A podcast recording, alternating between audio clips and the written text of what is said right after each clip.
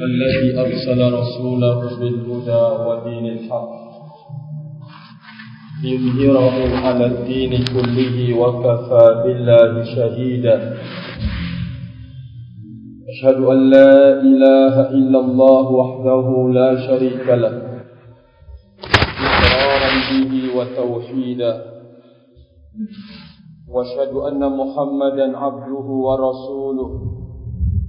صلى الله عليه وعلى آله وسلم تسليما مزيدا أما بعد. فأوصي نفسي أولا وإياكم بتقوى الله فقد فاز المتقون. قال الله عز وجل في كتابه يا أيها الذين آمنوا اتقوا الله حق تقاته. ولا تموتن إلا وأنتم مسلمون معاشر المسلمين dan muslimat yang saya hormati dan yang saya muliakan Pertama kali sebuah nikmat dari Allah Azza wa Jalla yang sangat besar bagi seorang hamba di saat Allah Azza wa Jalla membantu dan menolongnya untuk melaksanakan sebuah tugas yang besar di dalam hidup yaitu melakukan pendekatan diri kepada Allah Azza wa Jalla di sebuah tempat yang terbaik di muka bumi yaitu rumahnya Allah Subhanahu wa taala sebagaimana kita menyadari dan memahami bahwa nikmat bantuan Allah Azza wa Jalla bagi seorang muslim dan muslimah dalam melakukan pendekatan diri kepadanya adalah nikmat yang sangat besar bahkan termasuk dalam nikmat yang terbesar. Kenapa segenap saudaraku kaum muslimin dan muslimat yang saya hormati karena tidak ada satu kebaikan yang kita akan peroleh di kehidupan dunia ini. Tidak ada kebahagiaan yang kita mencoba untuk mendapatkan dan ingin memperoleh dan menggenggamnya. Ketenangan dan ketentraman hidup. Kebahagiaan kecuali semuanya itu harus dicapai dan diperoleh melalui pintu-pintu ketaatan dan pendekatan diri kepada Allah Subhanahu wa taala. Maka oleh karena itu termasuk sebuah kenikmatan yang sangat besar bagi seorang hamba di saat Allah Azza wa Jalla membantu dan menolong dia untuk mewujudkan kebaikan di dalam hidup. Ketaatan kepada Allah Subhanahu wa taala. Dan nikmat ini harus dipertahankan. Nikmat ini harus dijaga dan dipelihara. Dan tidak mungkin kita akan menjaga nikmat ketaatan ini kecuali dengan nikmat ketaatan pula maksudnya bahwa kita memiliki kesiapan untuk menjadi orang yang dekat dengan Allah Azza wa Jalla. Memiliki kesiapan untuk berupaya mencari jalan yang dicintai oleh Allah Azza wa Jalla di dalam hidup ini. Maka di saat seorang muslim dan muslimah berupaya di dalam hidup mencari jalan pendekatan kepada Allah mengejar cinta dan ridhonya Allah Azza wa Jalla. Disinilah letak kebahagiaan. Jangan menganggap dan jangan menyangka bahwa kebahagiaan itu di saat orang mampu mengumpulkan dunia sebanyak-banyaknya. Jangan menyangka dan menduga bahwa kebahagiaan seseorang itu di saat berada pada level yang tertinggi di kehidupan dunia ini sama sekali tidak. Ketenangan ketentraman, ternyata memang buah dari sebuah anugerah yang Allah tancapkan di dalam dada dan sanubari seorang hamba dan itu tidak akan bisa diperoleh kecuali melalui pintu-pintu pendekatan diri kepada Allah Subhanahu wa taala. Semoga Allah Azza wa Jalla menjadikan kita termasuk dalam barisan orang yang mau hidup terbimbing di kehidupan dunia ini dan mau berupaya untuk mencari kedekatan terhadap pemiliknya, pemilik kehidupannya dan pemilik nikmat yang dia nikmati di dunia ini, yaitu Allah Subhanahu wa Ta'ala. Ma'asyiral muslimin dan muslimat yang saya hormati.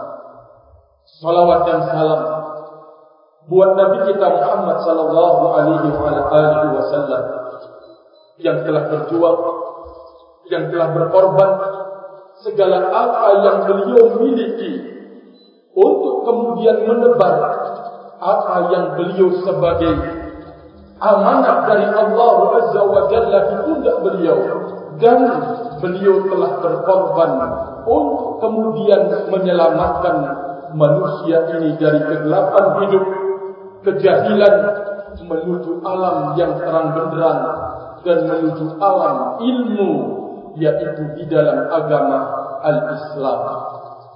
Semoga Allah Azza wa Jalla memasukkan kita ke dalam barisan orang-orang yang mau berterima kasih terhadap perjuangan Nabi kita Muhammad sallallahu alaihi wa ala alihi wasallam.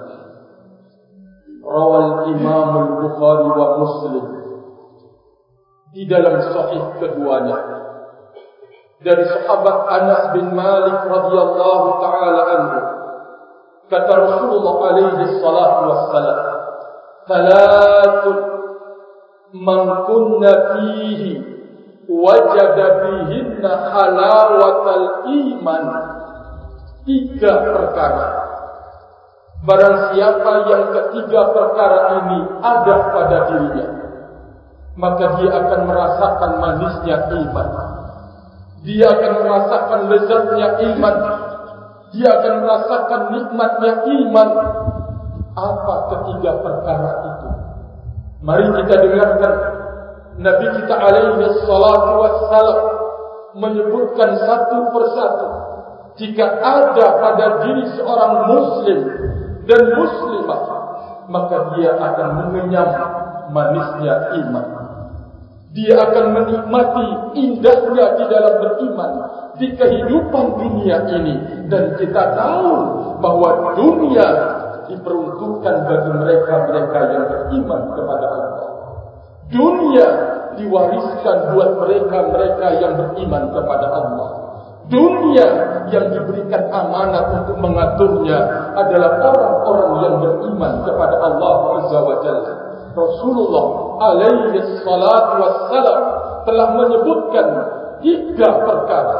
Siapa pada dirinya ketiga perkara ini ada, maka dia akan merasakan keindahan di dalam beriman. Mari kita dengarkan. Yang pertama, kata Rasulullah alaihi salatu wassalam, ayyakuna Allah wa rasuluhu ahabba ilaihi mimma siwahuma. Yang pertama kata Rasulullah alaihi salatu wassalam, Allah dan Rasulnya lebih ia cintai dari segala-galanya. Satu. Yang mungkin gampang kita untuk mengingatnya. Lalu kita mencoba untuk melakukan sebuah timbang di dalam hidup. Kita apakah kita termasuk dalam orang yang melebihkan cinta kepada Allah Azza wa Jalla dan Rasulnya atau masih ada tandingan dan saingan Allah dan Rasulnya di dalam hidup ini sehingga kita cinta melebihi kepadanya melebihi cinta kepada Allah Azza wa Jalla dan Rasul sallallahu alaihi wa ala alihi wasallam Rasulullah alaihi salatu wassalam telah menyebutkan bentuk Seseorang itu merasakan manisnya iman. Dia menjadikan Allah Azza wa Jalla dan Rasulnya Muhammad sallallahu alaihi wasallam lebih ia cintai dari segala-galanya. Ini pertama. Kita akan jelaskan biiznillah. Yang kedua, ayyuhibbal mar'a la yuhibbuhu illa lillah.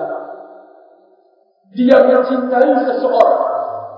Dia tidak mencintainya kecuali karena Allah Azza wa Jalla. Seorang suami cinta kepada istrinya adalah sebuah tabiat yang dibolehkan di dalam agama. Namun orang yang beriman tidak akan berbuat sebatas sesuatu yang boleh, yang tidak punya nilai, tetapi dia berupaya untuk menjadikan cintanya kepada istrinya sebagai sebuah sesuatu perbuatan yang bernilai. Dia cinta kepada istrinya karena Allah Azza wa Jalla. Bagaimana bentuknya? Bahwa dia cinta kepada istrinya karena Allah. Dia cinta kepada suaminya karena Allah. Maka terlihat di saat sang istri melakukan kesalahan, kekeliruan, pelanggaran agama, seorang suami cemburu karena Allah Azza wa Jalla. Dia tidak menginginkan istrinya ini melanggar perintah Allah Azza wa Jalla. Tidak menginginkan istrinya itu terjatuh di dalam dosa dan kemaksiatan. Apalagi kalau seorang suami mendukung sang istri melakukan sesuatu yang menyelisih agama maka ini artinya bahwa kecintaan dia kepada istrinya bukan lagi karena Allah Azza wa Jalla. Karena kalau dia cinta kepada istrinya karena Allah Azza wa Jalla atau seorang istri cinta kepada suaminya. Karena Allah Azza wa Jalla dia tidak pernah membiarkan suaminya. Atau seorang suami membiarkan istrinya untuk terkubang di dalam dosa dan kesalahan dalam kekeliruan dan penyelisihan terhadap agama Allah Azza wa Jalla. Dia jaga baik-baik istrinya dan dia bantu suaminya di dalam ketaatan kepada Allah Azza wa Jalla yang kedua dia tidak mencintai seseorang kecuali dia cinta karena Allah Subhanahu wa taala. Dan yang ketiga, untuk mudah diingat segenap saudaraku kaum muslimin yang saya hormati dan yang saya muliakan. Ayyakrah ayyauda fil kufri kama ayakrahu ayyuqdafa fin nar dia tidak akan pernah mau. Dia benci untuk kembali kepada kekufuran. Setelah Allah Azza wa Jalla selamatkan dia menjadi orang yang beragama Islam dia tidak akan mau melelang dan menjual agamanya. Apapun tawarannya dia tetap menjaga dan memilih agama Allah Azza wa Jalla ayyakraha ayyauda fil kufur ba'da an anqadahu Allah kama yakrahu ayyuqdafa sunnah. Dia benci untuk kembali kepada kekufuran. Sebagaimana Allah telah menyelamatkan dia darinya. Sebagaimana dia tidak akan menerima. Dia tidak akan suka. Dan dia benci untuk digebloskan. Dilemparkan ke dalam neraka kata Rasulullah alaihi salatu wassalam. Ma'asyiral muslimin dan muslimat yang saya hormati. Saya ulangi kembali untuk bisa kita kantongi dan kemudian kembali ke rumah mengingatnya bahwa seseorang kata Rasul alaihi salatu wassalam ada tiga perkara yang apabila ada pada seseorang tiga perkara ini dia akan merasakan manisnya iman dia akan bernikmat-nikmat dengan keindahan keindahan imannya. Pertama, Allah dan Rasulnya lebih dia cintai dari segala-galanya. Kedua, dia mencintai orang lain. Tidak dia cintai. kecuali karena Allah Subhanahu wa taala. Ketiga, dia tidak suka untuk kembali kepada kekufuran setelah Allah selamatkan dia sebagaimana dia benci untuk dilemparkan ke dalam neraka. Ma'asyiral muslimin yang saya hormati dan yang saya muliakan. Maka pembahasan saya kali ini terkait dengan tema yang pertama dari seseorang bisa merasakan manisnya iman yaitu cinta kepada Allah dan cinta kepada Rasul sallallahu alaihi wasallam. Kita semuanya sepakat bahwa Allah Azza wa Jalla yang wajib kita cintai di kehidupan kita ini karena kita menyadari bahwa segala yang terkait dengan kebutuhan di hidup ini semuanya datang dari Allah Azza wa Jalla. Allah Subhanahu wa taala yang memberikan tidak hanya sekedar kita diberikan nikmat terkait dengan kehidupan dunia akan tetapi Allah Azza wa Jalla menurunkan kepada kita nikmat yang terkait dengan keselamatan hidup di dunia dan di akhirat. Allah Subhanahu wa taala. Maka oleh karena itu ma'asyiral muslimin dan muslimat yang saya hormati kewajiban taat kepada Allah Azza wa Jalla kewajiban untuk mentaati Allah Subhanahu wa taala adalah yang terdepan di dalam hidup tidak boleh ada yang menyainginya. Kalau sampai ada yang menyaingi cinta kita kepada Allah Azza wa Jalla, orang tersebut telah terjatuh di dalam kesyirikan kepada Allah Azza wa Jalla. Telah terjatuh dalam dosa besar yang paling besar, kezaliman yang paling zalim di saat ada seseorang hamba lebih mencintai selain Allah daripada Allah Subhanahu wa taala. Kita ingin tahu bagaimana sih wujud seseorang itu benar-benar cinta kepada Allah Azza wa Jalla. Adakah tanda-tanda khusus?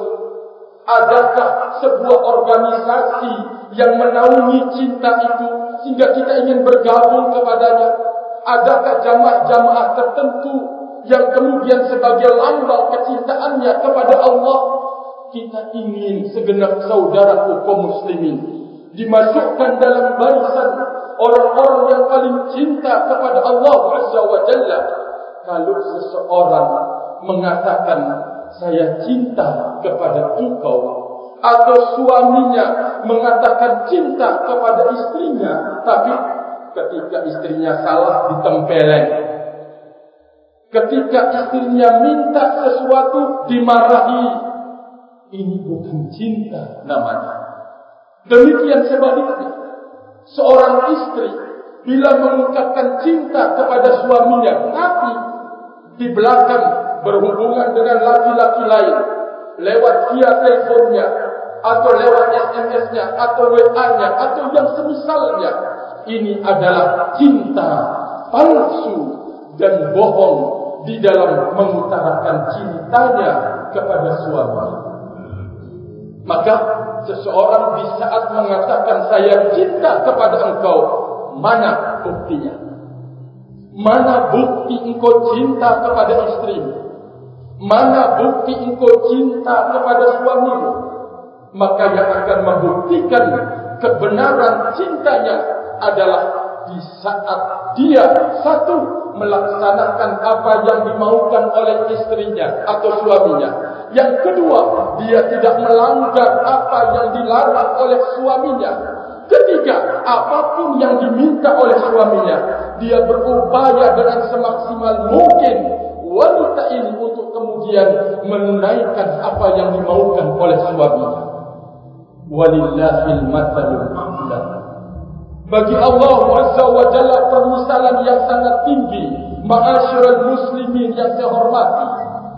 Maka bentuk kecintaan kita kepada Allah bukti kejujuran atau bukti buktinya adalah menampakkan kejujuran kita di dalam cinta.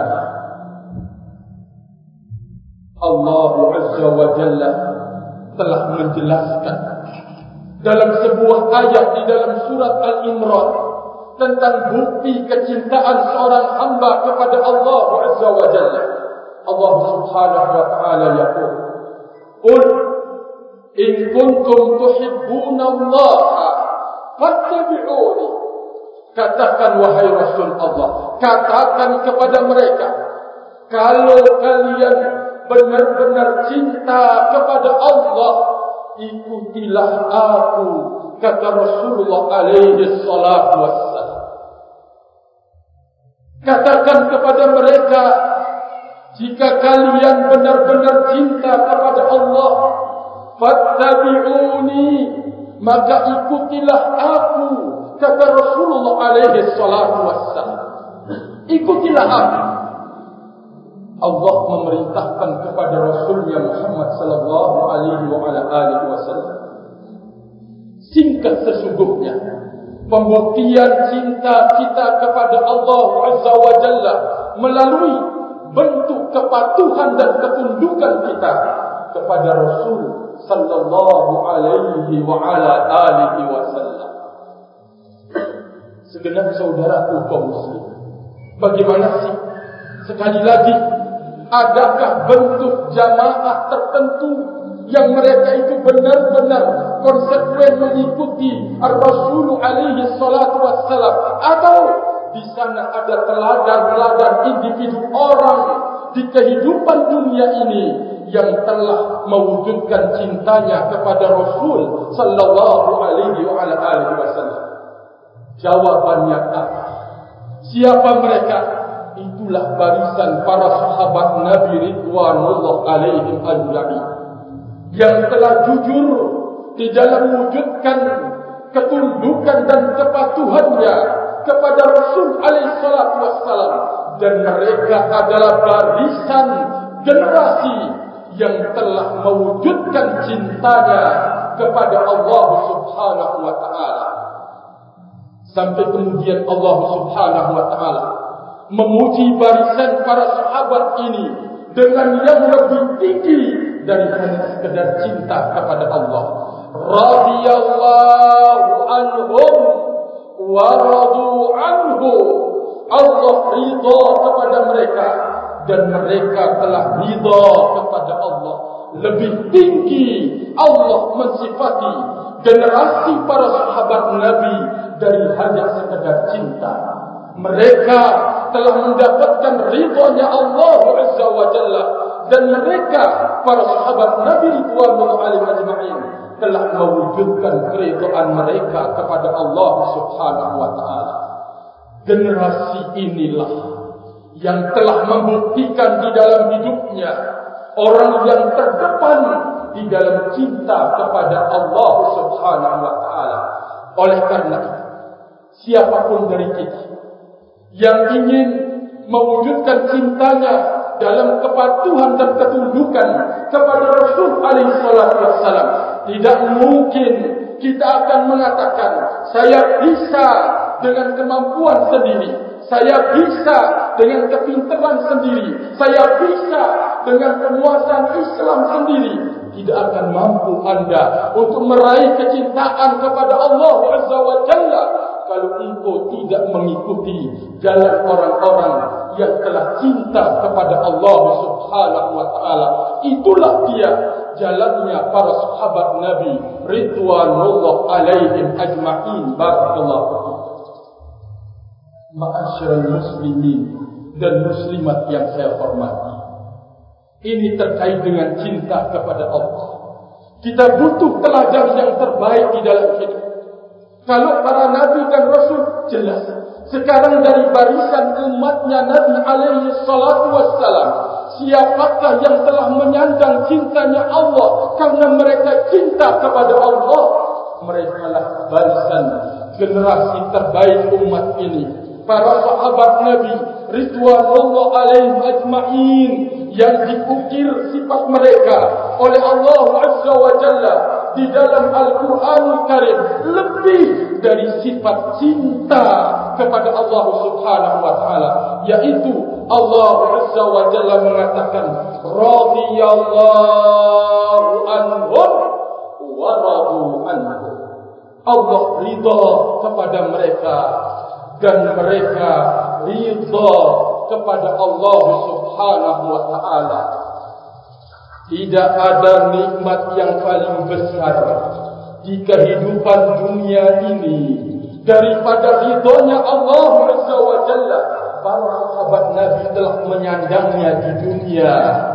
Kemudian tidak ada ridha nikmat yang paling besar dari nikmat surga dan kenikmatan di dalamnya kecuali mendapatkan ridhonya Allah Azza wa Jalla wa ridwanullahi akbar. Dan ridhonya Allah itu lebih besar dari nikmat surga dan segala isinya. Sekali lagi para sahabat Nabi ridwanullah alaihim ajma'in telah mendapatkannya di dalam hidup di dunia ini. Dan mereka telah membeli surga dengan ridhonya Allah Subhanahu wa taala. Tinggal kita sekarang siapa yang menginginkan ridhonya Allah. Dan dia ingin membuktikan cinta dan ridhaan dia kepada Allah Jalla. Ikuti langkah beragamanya para sahabat Nabi ridwanullah alaihim ajma'in. Ini terkait dengan cinta kepada Allah Subhanahu wa taala. Yang kedua, untuk kita bisa merasakan manisnya iman, ternyata di kehidupan manusia ini ada orang-orang yang paling pertama harus mendapatkan cinta kita. Orang yang paling terdepan dan teratas untuk pantas mendapatkan cinta kita. Siapa mereka? dari kalangan manusia ini kalau tadi Allah Azza wa Jalla sudah kita gambarkan bentuk kecintaan kita kepadanya yaitu mentaati Nabi kita Muhammad sallallahu alaihi wasallam. Sekarang setelah cinta kepada Allah kita ingin mencintai manusia ini. Adakah orang di dalam hidup yang lebih pantas dan patut untuk kita cintai dan yang paling atas dan pertama untuk mendapatkan cinta kita? Siapakah dia? Maka jawabannya dia adalah rasul kita Muhammad sallallahu alaihi wa ala alihi wasallam sederetan manusia yang berhak untuk mendapatkan cinta kita segenap saudaraku kaum muslimin manusia pada tingkat pertama yang harus ada dalam kecintaan kita kepada manusia adalah cinta kita kepada Rasul sallallahu alaihi wa ala alihi wasallam. Kenapa? Beliau yang harus kita cintai. Pertama kali di dalam hidup ini karena beliau sendiri yang telah mengatakan tadi di dalam hadis seseorang tidak akan merasakan manisnya iman kecuali dia cinta kepada Allah dan cinta kepada Rasul melebihi cinta kepada selain keduanya. Allah Rasulullah sallallahu alaihi wasallam memasukkan dirinya termasuk dari bukti keimanan indah dan manisnya iman kokoh dan kuatnya keimanan seseorang bisa dia cinta kepada Allah dan dari kalangan manusia ini dia cinta kepada Rasul sallallahu alaihi wasallam. Demikian juga tidak boleh ada seorang muslim dan muslimah menyetarakan cintanya dia kepada Rasul alaihi salatu wassalam dengan cintanya kepada selain Rasul sallallahu alaihi wasallam. Walaupun mungkin dia adalah seorang alim ulama atau mungkin dia adalah sudah levelnya waliullah tidak boleh disedarakan cinta kita kepada mereka sebagaimana cintanya kita kepada Rasul alaihi salatu wassalam. Sebagaimana pula tidak boleh kita menyetarakan cinta kepada Allah dengan cinta kepada siapapun dari makhluknya, apakah para malaikat ataukah para nabi, tidak boleh karena itu adalah perbuatan syirik kepada Allah Azza wa Jalla. Kalau ada orang yang menyamakan cintanya kepada Rasul sallallahu alaihi wasallam dengan cintanya kepada selain Rasul alaihi wasallam ini adalah dosa dan kemaksiatan ma'asyiral muslimin yang saya hormati karena Nabi alaihi salatu wasallam mengatakan la yu'minu ahadukum hatta akuna ahabba ilaihi min walidihi wa waladihi wan nasi ajma'in. Kata Rasulullah alaihi salatu wassalam tidak dikatakan sempurna iman seseorang. Tidak dikatakan beriman dengan sempurna seseorang. Sampai kata Rasul alaihi salatu wassalam saya lebih ia cintai daripada cinta kepada bapaknya cinta kepada anaknya dan cinta kepada seluruh manusia kata Rasulullah alaihi salatu wassalam. Kita harus melebihkan sedemikian rupa. Cinta kita kepada Rasul alaihi salatu wassalam. Jawabannya pertama adalah Muhammad sallallahu alaihi wasallam. Nabi kita adalah utusan terbaik Allah azza wa jalla di muka bumi ini. Pilihan Allah azza wa jalla terbaik di kehidupan dunia ini sebagai utusannya adalah Nabi kita Muhammad sallallahu alaihi wa ala alihi wasallam.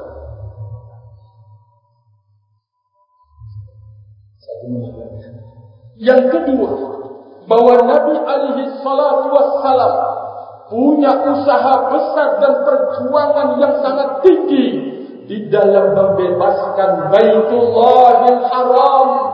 Rumahnya Allah Azza wa Jalla menjadi kiblat seluruh muslimin di seluruh dunia. Beliau telah berjasa besar untuk mensucikan rumahnya Allah ini dengan berbagai macam bentuk penampilan kesyirikan kekufuran dari berhala-berhala yang dibangun oleh orang-orang jahiliyah di sekitar Baitullahil Haram. Terlalu banyak. Kalau kita mau mengungkapkan jasa-jasa besar yang dilakukan oleh Nabi alaihi wasallam, cukup untuk mengingat apa yang kita sekarang anut dari agamanya, menemukan ketenangan dan ketenteraman hidup dengan Islam sebagai bentuk jerih payah dan perjuangan besar Nabi kita Muhammad sallallahu alaihi wasallam. Wajib bagi kita untuk mengedepankan dan menjadikan dia pertama di dalam hidup untuk kita cinta kepadanya melebihi kedua orang tua kita melebihi anak-anak kita dan melebihi manusia seluruhnya kalau ada orang yang lebih kita cintai dari Nabi sallallahu alaihi wasallam kita telah terjatuh di dalam dosa dan kemaksiatan tidak boleh terjadi pada diri orang yang beriman kepada Allah Azza wa Jalla. Ma'asyiral muslimin dan muslimat yang saya hormati. Mungkin ini yang bisa saya sampaikan pada kesempatan kali ini. Semoga waktu yang singkat ini dan penyampaian yang singkat ini bisa berguna dan bermanfaat bagi diri saya sendiri pertama kali dan buat saudara kami kaum muslimin dan muslimat.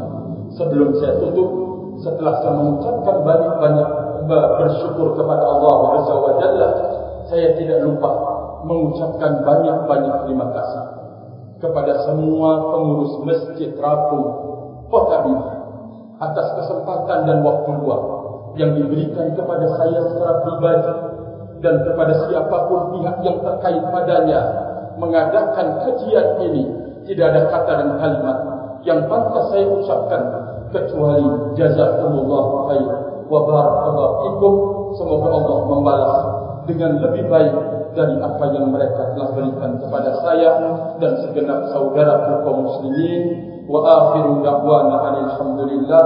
سبحانك اللهم وبحمدك أشهد أن لا إله إلا أنت أستغفرك وأتوب إليك والسلام عليكم ورحمة الله وبركاته. وعليكم السلام.